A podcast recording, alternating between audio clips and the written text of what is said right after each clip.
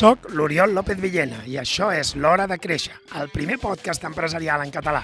Cada setmana parlem de com desenvolupar estratègies de creixement i executar prioritats per assolir els teus objectius. Segueix escoltant si busques idees, històries i experiències que t'ajudin a gaudir d'un negoci més rendible i divertit de dirigir. Som-hi!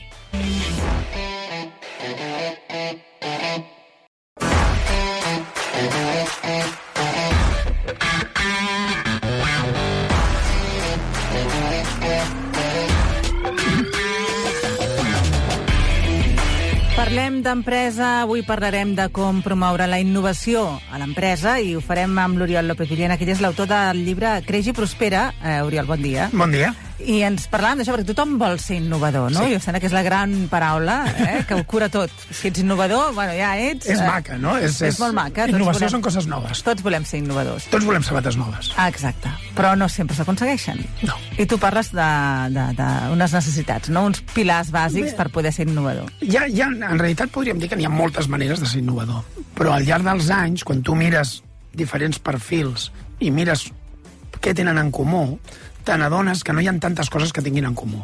És a dir, si poses al mateix sac, per exemple, Bill Gates, Steve Jobs, que tot i que podríem dir eren rivals, no?, en certa manera, no al principi, però bueno, eh, tenien un punt de rivalitat, eh, tenen moltes coses en comú, també Thomas Edison i també els germans Wright, vale? és a dir, i podries seguir.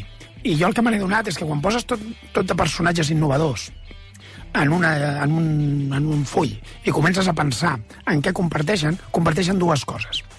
La primera és que tenen una alta, una molt alta tolerància al risc.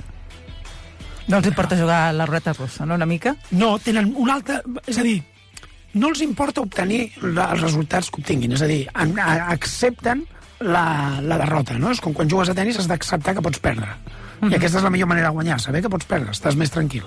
I, i això aporta espontaneïtat, aporta aquell punt de serendipitat, de, de, de, de no sé com dir-ho, eh? de- d'aquelles I guspires... d'il·lusió, fins i tot, no? Sí, il·lusió d'aquelles guspires que fan que surti Que el moment eureka. arrenca, sí.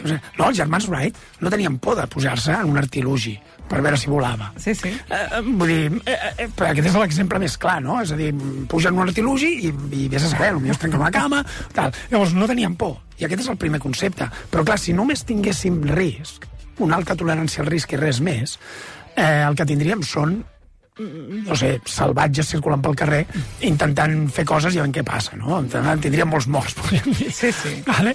Però, Seria perillós. Seria perillós. Vale? Vaig veure fa unes setmanes un documental que es diu Free Solo, que és d'Alex Hoydon, que és un escalador, i que escala el Gran Capitán, 975 metres, sense cordes.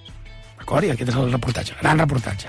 Bé, clar, per fer això està un any practicant. Ha hagut d'entrenar, amb cordes, òbviament, i ha hagut d'entrenar molt, molt, molt, molt, molt. L'alta tolerància al risc la té, però també té un suport de l'entorn. I això hi ha una part genètica que no es pot eh, sí, hi obviar, ha altra eh? eh? Ah, bueno, hi ha part que segurament és genètica, sí. Sí, sí, I perquè a després, vegades et vols forçar a assumir risc i no pots. clar, però tu com a superior a empresa... Però, clar, penso que una empresa és diverses persones, per tant, tu el que no pots fer és limitar la tolerància al risc. Pots tenir gent que és molt tolerant al risc, per tant, dona'ls marge, Ja. d'acord? Però aquest marge ha d'estar situat en, uns, en un marc, d'acord? Que és aquest entorn. A Free. Solo, Alex Hoydon entrena molt, es prepara molt, fins i tot fa un primer intent i veu que no pot i torna enrere. Què té? entorn, té sistemes, té estructura, d'acord? Per tant, com a empresa, a part de l'espontaneïtat, que és molt maca, i l'alta tolerància al risc, has de tenir certa estructura. I com fem estructura? Sistemes de treball, eh, espais on debatre i on discutir aquestes idees, d'acord? Eh, validar les idees a través de dades, informar-se, veure què passa, com es pot fer millor, d'acord? De manera que trobis aquest equilibri que no ens faci ser kamikazes, però alhora tampoc ens enfonsi en la burocràcia i en l'estructura i en la cosa més lenta. Uh -huh. Aquest és el secret, dues coses. Doncs eh, ens queda clar alta tolerància al risc i, per altra banda, un suport de l'entorn. Exacte. Eh, que faci de coixí i que sí que ja estiguem una mica protegits. Exacte. Doncs sí, senyor, trobarem aquest equilibri. Eh, com sempre, Oriol López, moltes gràcies. Gràcies a tu.